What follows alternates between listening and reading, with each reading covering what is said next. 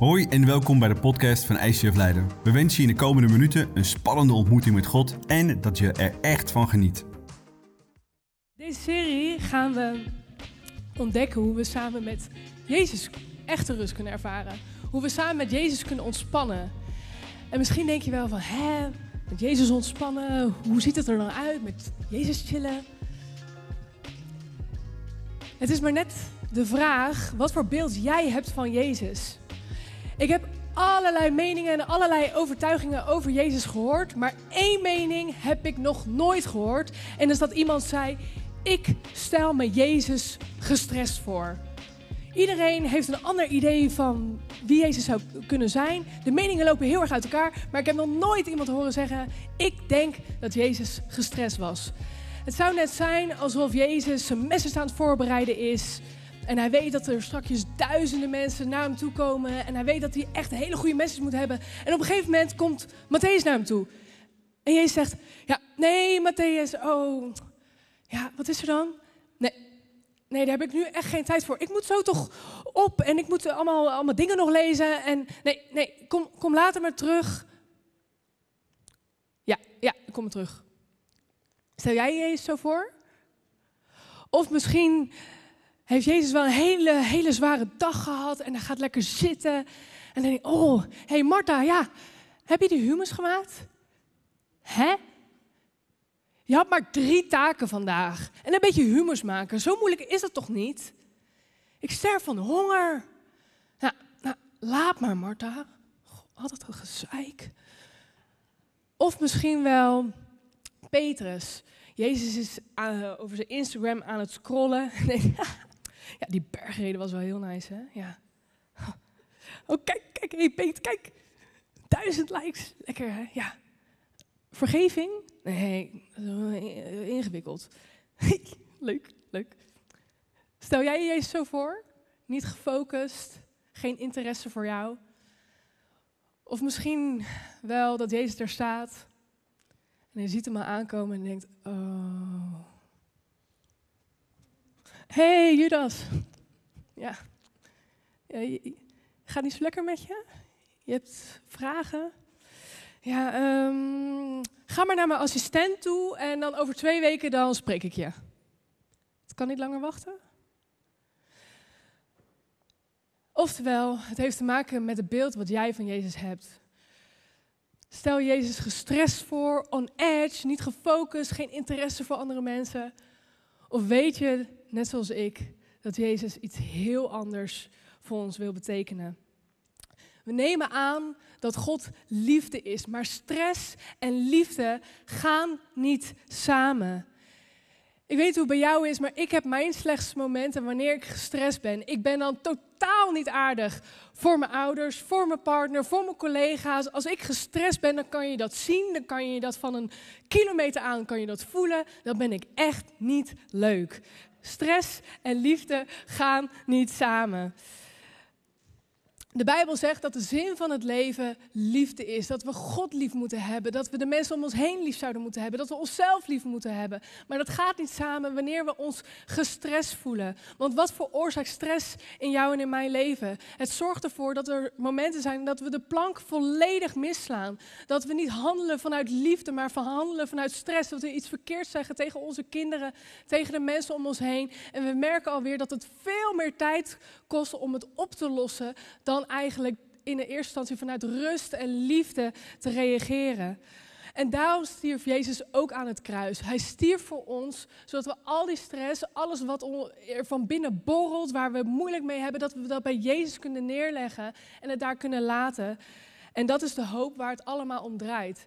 Mozes doet een best wel een brutale, harde uitspraak als het gaat om die rust vinden en het gaat om de Sabbat. Laten we lezen in Exodus 31.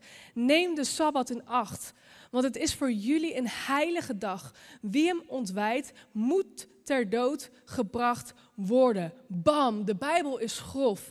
Er staat wanneer ik niet leef volgens de principes dat ik ter dood veroordeeld moet worden. Nou, dat is best wel heftig toch? En geldt het nog voor jou en mij? Nee. Maar ben je het met me eens dat wanneer we gestrest zijn, het de relaties, de relaties om ons heen, dan misschien wel doodgaan? Dat we dus dingen zeggen, dat we dingen doen die niet in lijn zijn met hoe een liefdevolle relatie eruit zou moeten zien. En dat je langzaam maar zeker merkt dat de relaties om je heen doodgaan. Ik was gestrest. Maar stress doodt mij ook. Er zijn culturen die niet gebouwd zijn op een joods-christelijke traditie van een dag vrij per week. Zeker als we kijken naar de Aziatische culturen, zien we dat daar een sterke werkethos is. Ik heb echt bewondering voor de mensen die echt kunnen werken, werken, werken, werken, werken. En zij kennen het principe van een weekend, kennen ze niet. Een dag vrij kennen ze niet. Het gaat maar door. En er moest zelfs een woord gevonden worden voor een fenomeen dat optreedt, zeker bij dertigers die zo hard aan het streven daar zijn, die gewoon op kantoor achter hun bureau dood neervallen, omdat ze 16 uur per dag, misschien wel meer, 7 dagen per week, alles geven, geen rust nemen, niet een vrije dag nemen. Ze werken zich letterlijk kapot. Dit fenomeen, heet karoshi. En besef even, er moest dus een woord gevonden worden, uitgevonden worden voor iets wat gewoon totaal niet natuurlijk is, dat we ons letterlijk kapot werken. Wij zitten gelukkig wel in een joods-christelijke traditie. En misschien ben je er niet van bewust, maar je mag heel dankbaar zijn dat we in ieder geval één dag per week vrij kennen. Dat we misschien zelfs een weekend hebben, dat we parttime kunnen werken, dat wij de mogelijkheid hebben om het allemaal wat flexibeler in te delen. Vandaag willen we samen met jullie gaan kijken naar Hebreeën 4, waar God een visioen uh, uitlegt hoe wij samen met God zouden kunnen leven. Hij beschrijft daarin een visioen voor mensen die met Hem willen leven. En dat lezen we in Hebreeën 4 en we gaan bijna het hele hoofdstuk door. Samen gaan we lezen Hebreeën 4, vers 1. Nu geldt Gods belofte dat we mogen, dus niet moeten, binnenkomen om met Hem te rusten. Nog steeds. We mogen dus met Hem rusten. We moeten ervoor oppassen dat niemand van u de schijn wekt achterop te blijven. Achterop blijven waarop? Op het feit van dat we het koninkrijk van God ergens wel gehoord hebben, maar dat het niet zichtbaar in is in ons leven.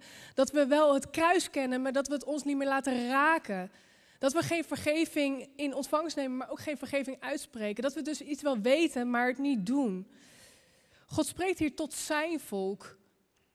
Hij spreekt niet direct tegen ons, maar het Joodse volk dat Mozes uit Egypte, uit de slavernij had bevrijd. Tegen hem heeft hij het. En het, de tekst gaat dramatisch verder, want je zult ook merken voor ons voor nu dat al weet je dingen, al leef je samen met God, dat het niet automatisch betekent dat je ook die innerlijke rust waar we allemaal zo naar verlangen, dat we dat ook ervaren. Je hebt niet automatisch toegang daartot. Laten we verder lezen. Want ook wij hebben het grote nieuws gehoord, net als zij. Het gaat hier dus om het volk van Israël, het volk dat God Ehm, dat, dat Mozes uit de slavernij leidde. Nu hebben zij van de boodschap die ze vernamen geen voordeel gehad, want ze hoorden zonder te geloven. Eh, oftewel, ze vertrouwden God niet. Maar wij die wel geloofd hebben, gaan naar binnen om met Hem te rusten. In de schrift staat hierover: In mijn woede heb ik gezworen, nooit zullen zij mijn rustplaats binnengaan. Dit zegt God, hoewel hij zijn werk al sinds de schepping van de wereld beëindigd heeft. Van de zevende dag wordt immers gezegd, God rustte op de zevende dag uit van zijn werk. De eerste sleutel hierin is vertrouwen. Het gaat om vertrouwen en misschien vraag je af, wat heeft dit te maken met vertrouwen? En wat heeft de Sabbat te maken met vertrouwen? De Sabbat is de wekelijkse feedback, de wekelijkse herinnering of wij God wel of niet vertrouwen. Durven wij een dag opzij te zetten om Gods belofte op te zetten, om God daarin te gehoorzamen? Wie vertrouw jij? Is dat God of ben jij dat? Heb je het idee dat jij de doorslaggevende factor bent in de situatie? Of dat jij de verzorger bent, dat jij degene bent die alle regie in handen heeft? Kan de wereld echt niet zonder jou? Kan het, de wereld echt niet zonder mij? Of zetten we God op één? De Sabbat is de wekelijkse herinnering, geen beschuldiging om na te gaan hoe jouw leven samen met God eruit ziet. En lezen we verder. De eerste sleutel is dus vertrouwen en de tweede is iets anders.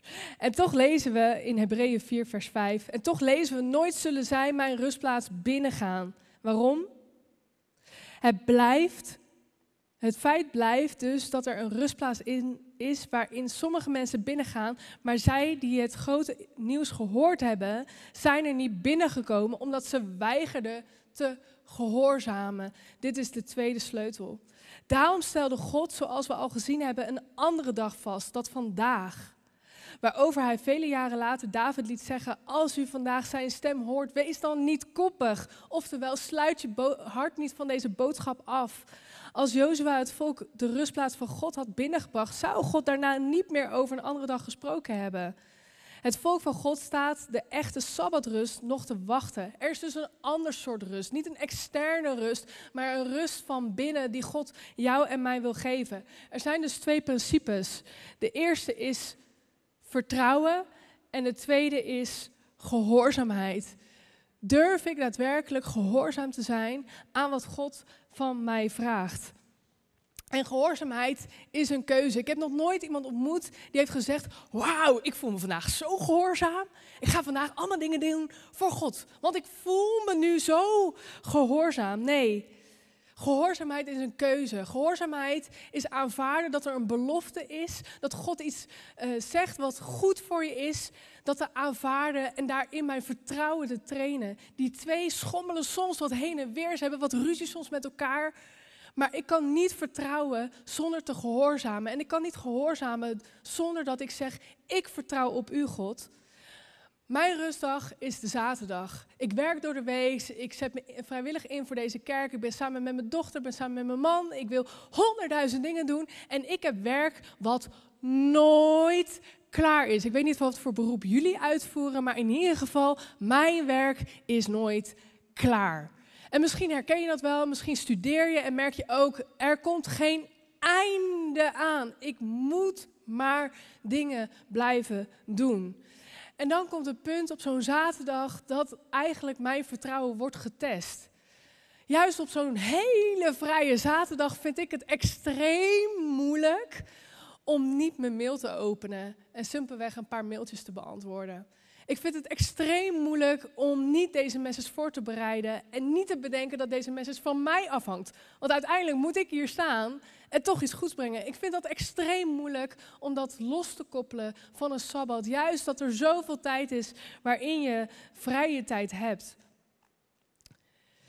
Ik heb het idee, en misschien jij ook wel, ik moet presteren. Ik moet, ik moet en ik moet het beste van mezelf geven. En ik weet niet of dat gaat lukken wanneer ik op een strandbedje ga liggen en mijn rust pak. Want ik weet dat ik nog dingen moet doen om dat gewenste resultaat te behalen. En we weten dat dus eigenlijk wel. Maar juist wanneer we de sabbat in ons leven verwelkomen, wanneer we de Sabbat gaan houden, dan komen we er juist achter wat die processen in een week zijn. Wat er ook voor zorgt waardoor we eigenlijk de prioriteiten niet op orde hebben. Dan, dan zien we de, de struggles, we zien waar het misgaat. En juist door zo'n Sabbat in onze agenda in te plannen, komen we erachter waar we nog ons in kunnen verbeteren en waar we God kunnen uitnodigen. Saron, jij hebt een geweldig voorbeeld over wanneer God voor jou werkt tijdens de Sabbat. Yes. Uh, afgelopen juni ging ik naar de ICF Experience. En dat was in een hele drukke periode bij mij op werk. En ik ging daar donderdag heen en vrijdag en zaterdag. En het waren drie dagen vol met allemaal inspirerende input. En ik leerde allemaal nieuwe mensen leren kennen. En ik, we hadden fun met elkaar. En het was zo, zo, zo fantastisch. Maar op zondag ging ik uh, terug en ik merkte dat God tegen mij zei... Saron, nu is het tijd voor een sabbat, voor een rustdag. Dus morgen, maandag, ga je vrij nemen. En mijn menselijke gedachten kwamen voorbij. Ja, maar dit is een hele drukke periode. En ik heb dus nu ook al net twee dagen vrijgenomen. En ja, maar er komen allemaal hele belangrijke gesprekken aan. waarin ik uitslagen moet doen. En die verslagen moet ik nog schrijven. Dus al die dingen gingen door mijn hoofd. Maar ik merkte die zondag, God gaf me rust. Ik wist gewoon, dit is goed. En ik keek in mijn agenda van werk.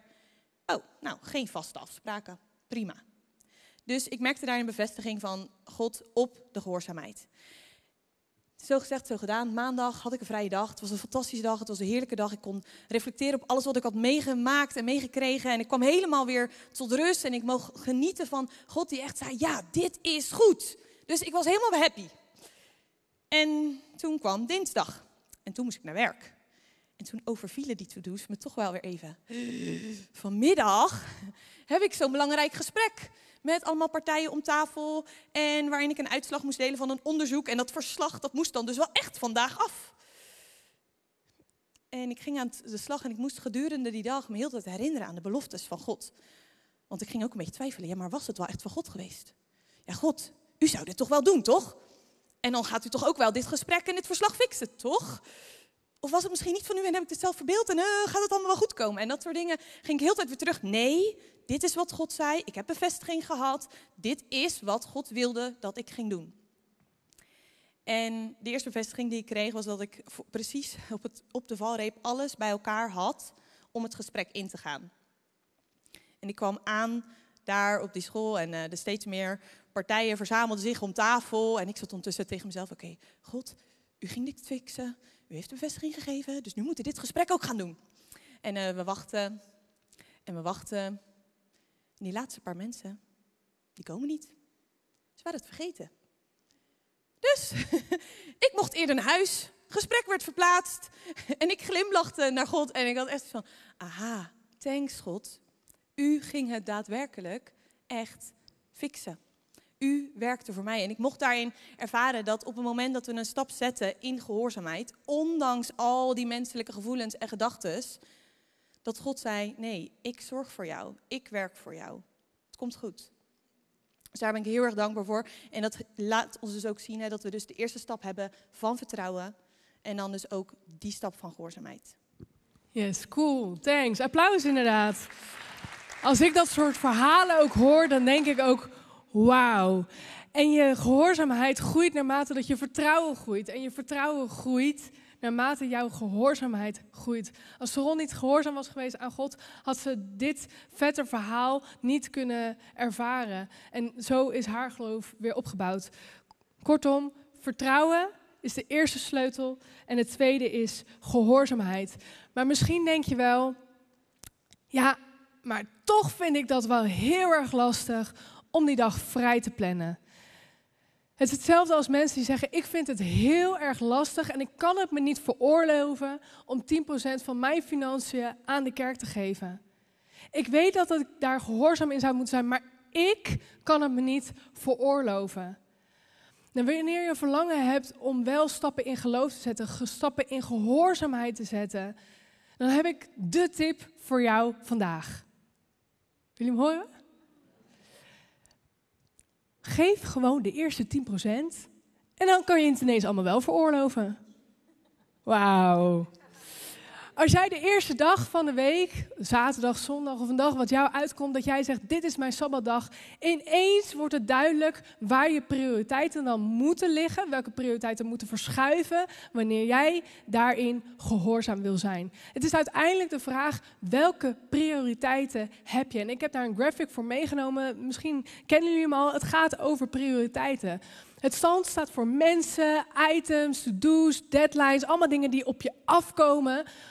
De roze punten staan voor de dingen die semi-belangrijk zijn. Misschien een beetje gamen, je be real op tijd halen. Misschien, uh, misschien wel uh, boodschappen doen, ook heel belangrijk. Misschien wel heel essentieel trouwens. Maar um, de grote blauwe stippen, dat zijn de dingen die echt belangrijk zijn. Investeren in je huwelijk, investeren in kinderen, tijd hebben met vrienden, wat jij heel erg belangrijk vindt. En ik denk dat we allemaal wel kunnen concluderen, wanneer je je prioriteiten niet op orde hebt, dat je week heel snel vult met dingen die je eigenlijk niet zou willen. Als je kijkt naar het zand, dat het zich dan opstapelt en dingen moeten een beetje tussendoor en dat heb je allemaal wel af. Maar uiteindelijk blijkt er is geen ruimte meer voor die dingen die ik echt belangrijk vind. Er zijn dan momenten die continu week in week uit weer geskipt worden omdat je heel veel andere dingen voor hebt laten gaan. En wanneer jij je prioriteiten niet op orde hebt, dan kunnen al die andere mensen, al dat zand om je heen, kunnen die prioriteiten voor jou wel vaststellen. En vaak is het ook zo, als de wereld uiteindelijk gaat bepalen waar jij je tijd en aandacht aan moet uitgeven, dat dat waarschijnlijk geen goddelijke prioriteit zijn. Dus welke prioriteiten zou jij in je leven willen hebben? Heel praktisch, laten we kijken naar een agenda. Als jij jouw agenda zo openzet en denkt, Ehm, ja, nou, het is uh, negen uur. Oh, ik ben wel op tijd voor, voor kerk. Nou, weet je wat, ik ga nog even slapen en dan straks... Ik, ik, ben echt wel, ik ben echt wel op tijd. Oh, het is nu al tien voor elf. Nou, weet je wat, ik kan de livestream kan ik ook wel kijken. Kerk vind ik echt wel heel belangrijk, maar het komt mij niet zo lekker uit. Nou, misschien vult je agenda dan nog verder. Natuurlijk werk, uh, slaap, een beetje onregelmatig. Oh, dan krijg ik dat leuke appje of ik nog eventjes wat gezelligs wil doen na werk. Oh, maar dan moet ik wel overwerken, want het moet eigenlijk wel af. Uh, ik wil natuurlijk wel bijblijven met Netflix. Nou, ik heb sport. Oh ja, al die kinderen gaan naar verschillende sporten. 1, 2, 3. Nou, je agenda wordt gevuld zonder dat jij het doorhebt. Allemaal oké dingen, allemaal goede dingen, dingen niet die je zou moeten skippen. Maar eigenlijk heb ik nu niet zo heel veel tijd meer over. Vult hij nog verder? Nee. Nou, in ieder geval, hier zijn wij niet tevreden mee. Dit, vult, dit laat niet mijn prioriteit zien. Dit vind ik onrustig en week, week, in, week uit heb ik geen tijd voor die sabbat, heb ik geen tijd voor al die andere dingen, want belangrijke dingen hebben mijn agenda gevuld. Nou, wanneer we vandaag zeggen, ik wil wel een leven met de sabbat, ik wil wel leven in gehoorzaamheid, laten we dan die agenda op een andere manier gaan invullen. Laten we zeggen, slaap is belangrijk. Je kan het ook niet doen lange termijn niet zo gezond voor je. Slaap. Volgende is kerk. Ik wil gewoon samen met mijn gezin op zondag hier zijn. Ik maak dat besluit. Ik zet het als een prioriteit in mijn agenda, omdat ik daar wil zijn. Met mijn hele gezin. Kerk is dan.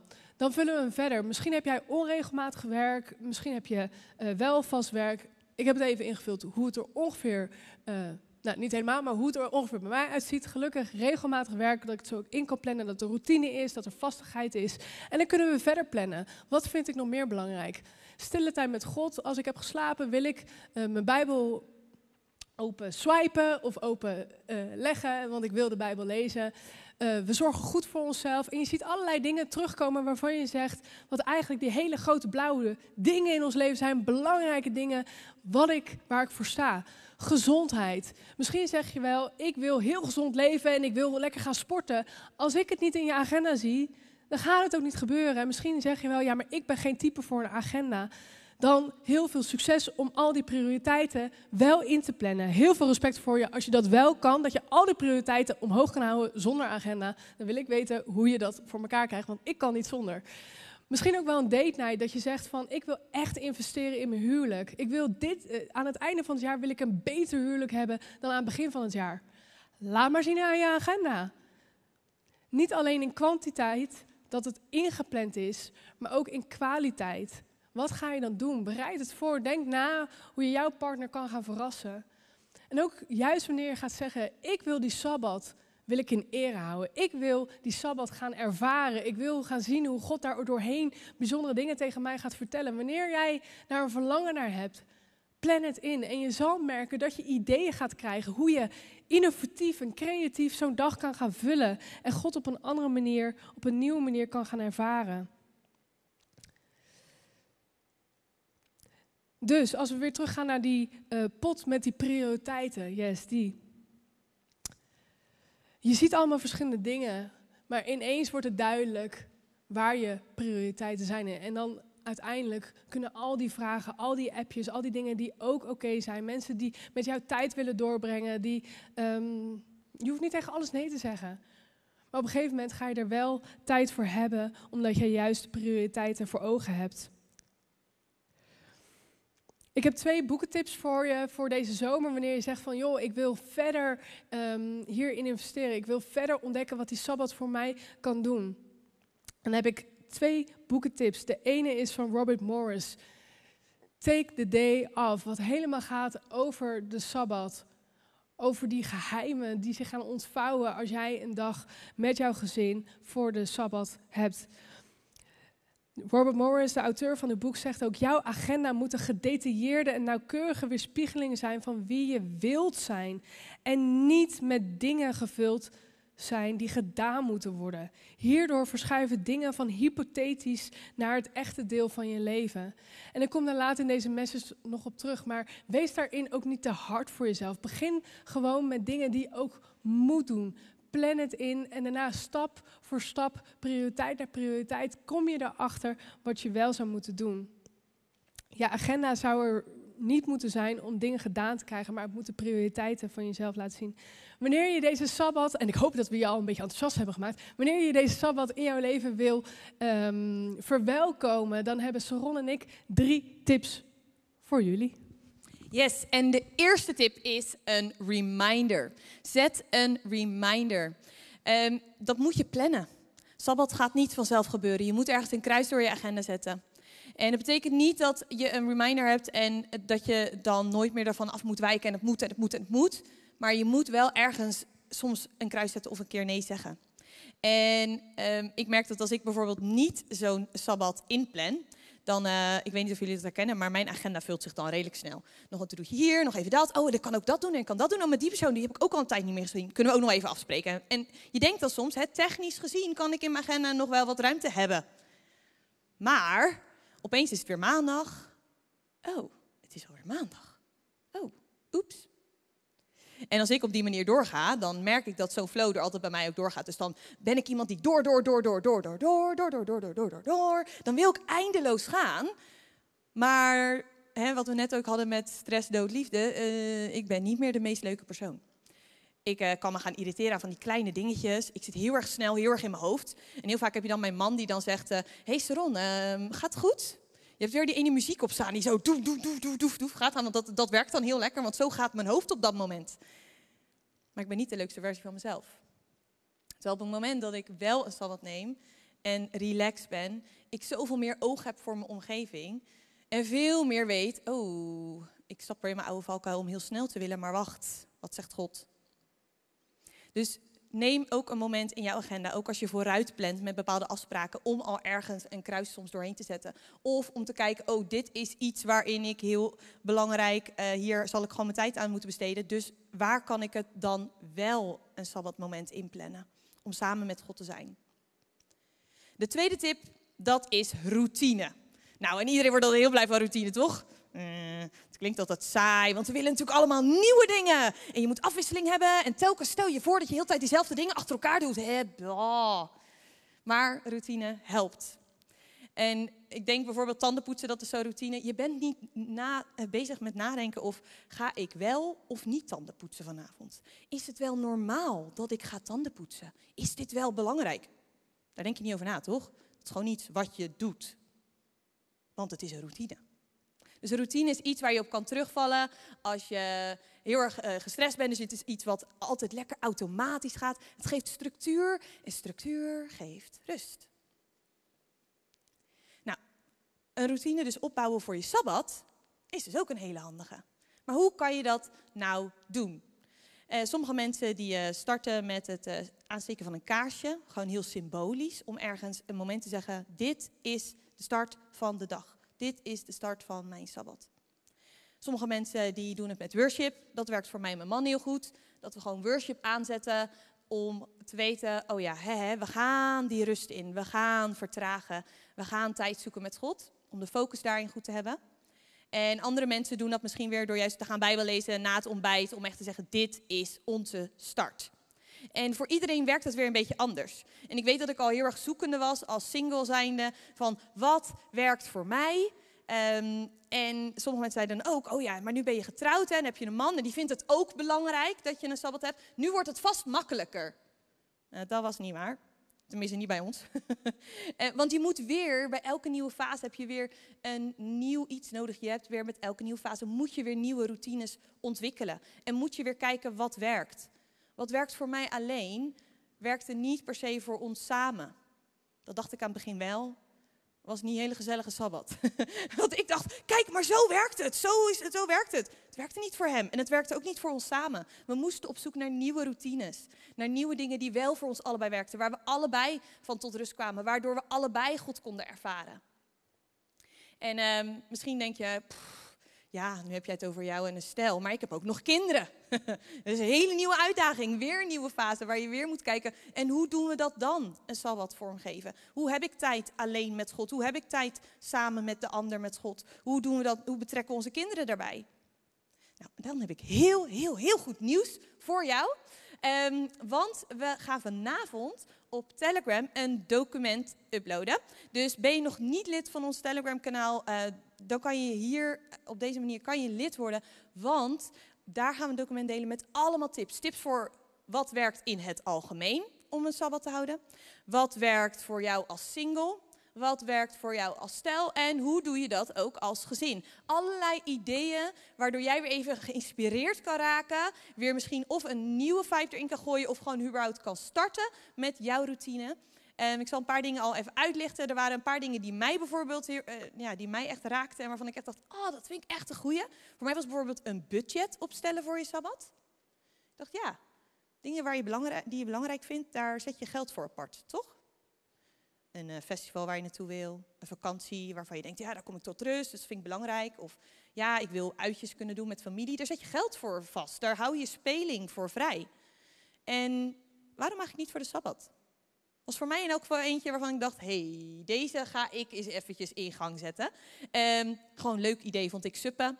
Daar moet man nog even over vertellen. Maar mij lijkt het dus heel leuk om te suppen. Dat ik dacht, wauw, wat cool inderdaad. Weidse water, tot rust komen.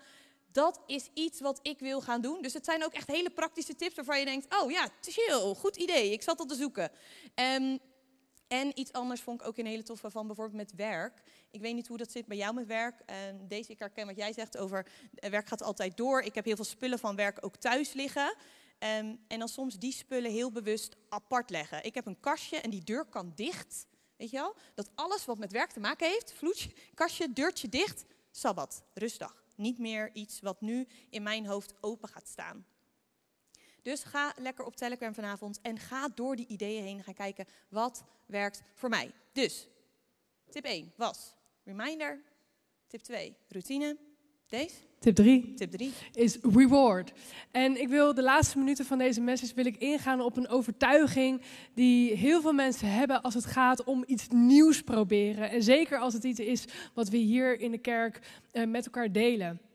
En dat is dat je misschien nu wel een beetje enthousiast, half enthousiast bent over de Sabbat. En dat je denkt, volgende week, deze week ga ik het doen. Volgende week zaterdag of zondag neem ik die Sabbat, neem ik die rust. Nou, het is inmiddels, is het Sabbat. Je bent er aangekomen. Je denkt, nu gaat het gebeuren. Ik ga inderdaad die sub op. Ik steek een kaarsje aan of ik sla mijn, uh, mijn Bijbel open en je denkt, nou... Het is heel leuk wat ze daar allemaal zeggen, maar voor mij werkt het niet. Weet je wat? Het is ook allemaal onzin. Ik heb er geen zin in. Ik, ik uh, laat maar. Ik, ik heb het geprobeerd, maar het lukt me gewoon niet. En ja, vertrouwen, gehoorzaamheid. Nou, ik vind het gewoon allemaal heel ingewikkeld en een beetje te vermoeid, als ik eerlijk ben. En dit is een overtuiging of een bepaalde houding die eigenlijk heel vaak ook op andere gebieden, als het gaat om bijbelse principes, terugkomt. We merken dan niet meteen het werkt. En we moeten het meer kans geven.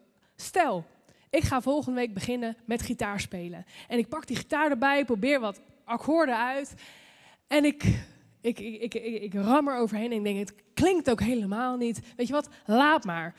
Dan zouden jullie waarschijnlijk allemaal in koor zeggen deze. Je moet dat oefenen.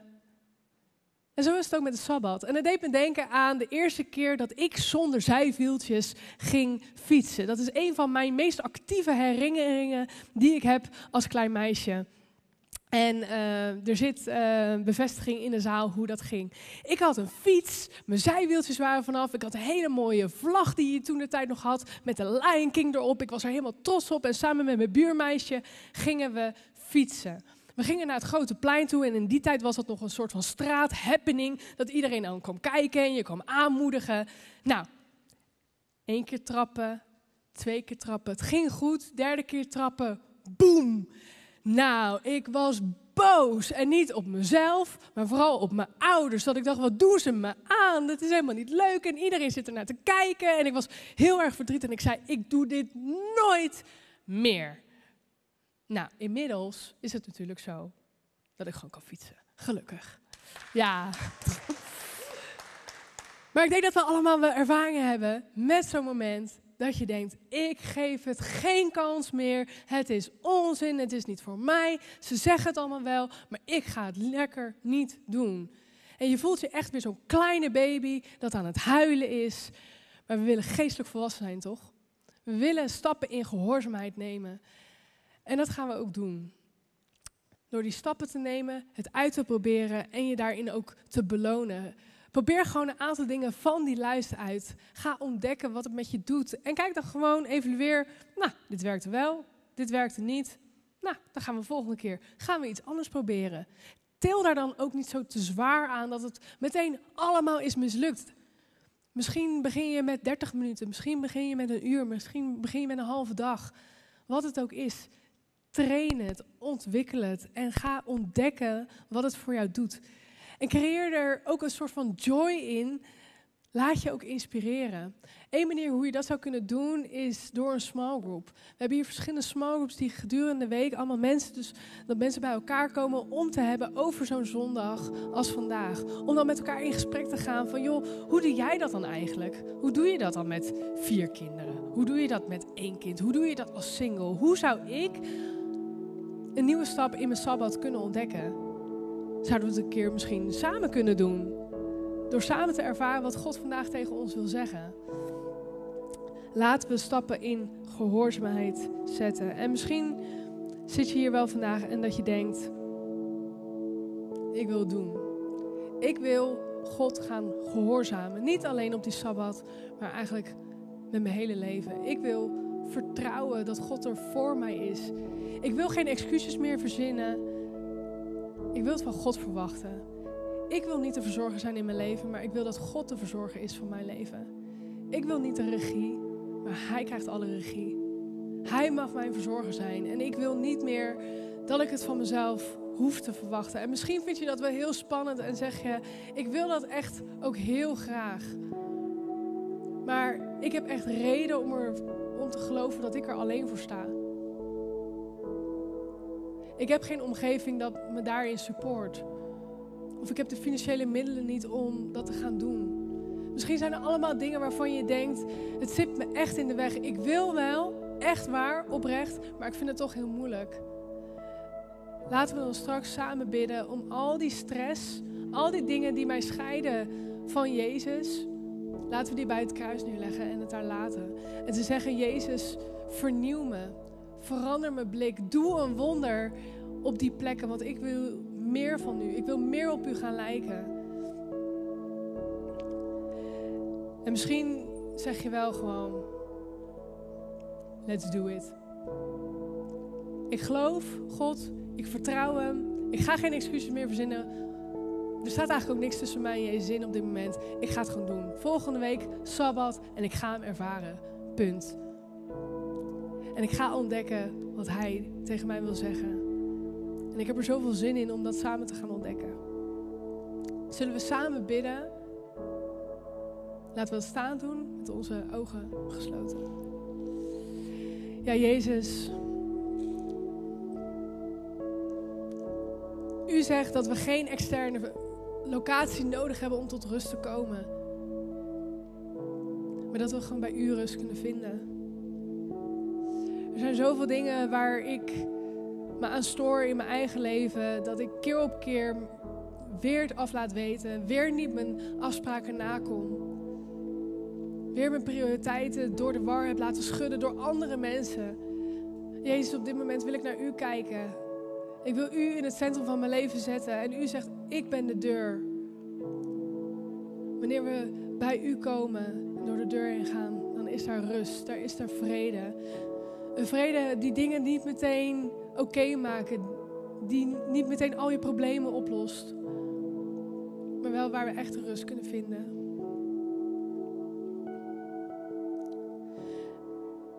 En op dit moment, wanneer je dus die stress voelt, misschien is het werk, misschien zijn het kinderen, misschien is het je huwelijk, misschien is het iets wat je afgelopen week hebt gezegd en waar je van baalt.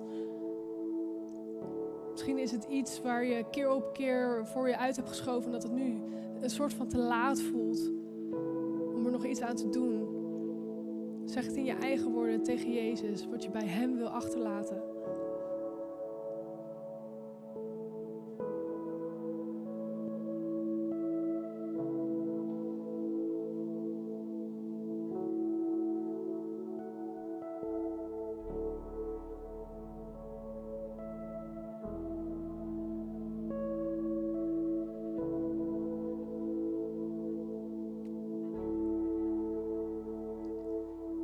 Jezus, ik wil u danken voor alle mensen die op dit moment hun pijn, hun stress, dingen die hun dwars zitten, dat we dat bij het kruis neerleggen, symbolisch. En we willen het daar ook laten. We willen het weer niet meenemen. We laten het bij u, Jezus.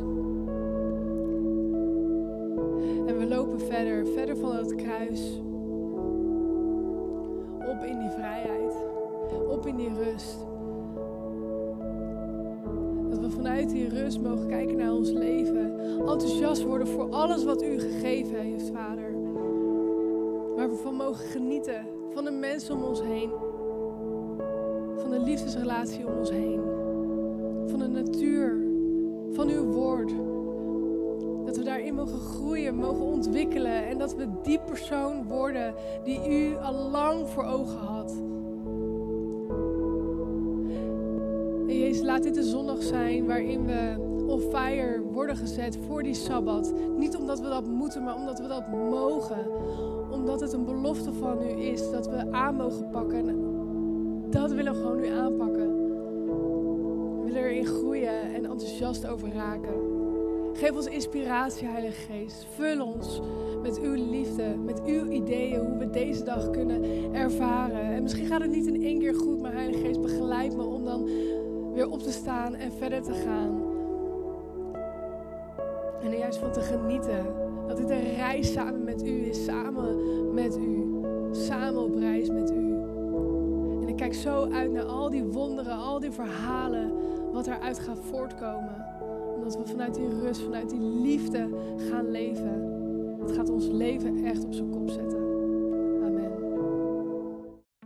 Wij hopen dat deze podcast je heeft geïnspireerd en verder geholpen heeft in je relatie met God. Wanneer deze podcast je geraakt heeft en je de inhoud ervan wilt helpen verspreiden, deel dan deze aflevering op jouw favoriete social media platform. Op deze manier horen meer mensen over Jezus en deze boodschap van hoop. Je kunt ons ook financieel ondersteunen, waardoor we een maximaal bereik krijgen op het internet en nog meer mensen nieuwe hoop krijgen. Bedankt voor alles wat jij mogelijk maakt. We geloven dat kerk een familie is, dus of je nu live erbij bent of online meeluistert, we willen jou graag persoonlijk leren kennen. Als we jou persoonlijk verder kunnen helpen, dan horen we dat graag. Check voor info en meer mogelijkheden op onze website. Fijne dag.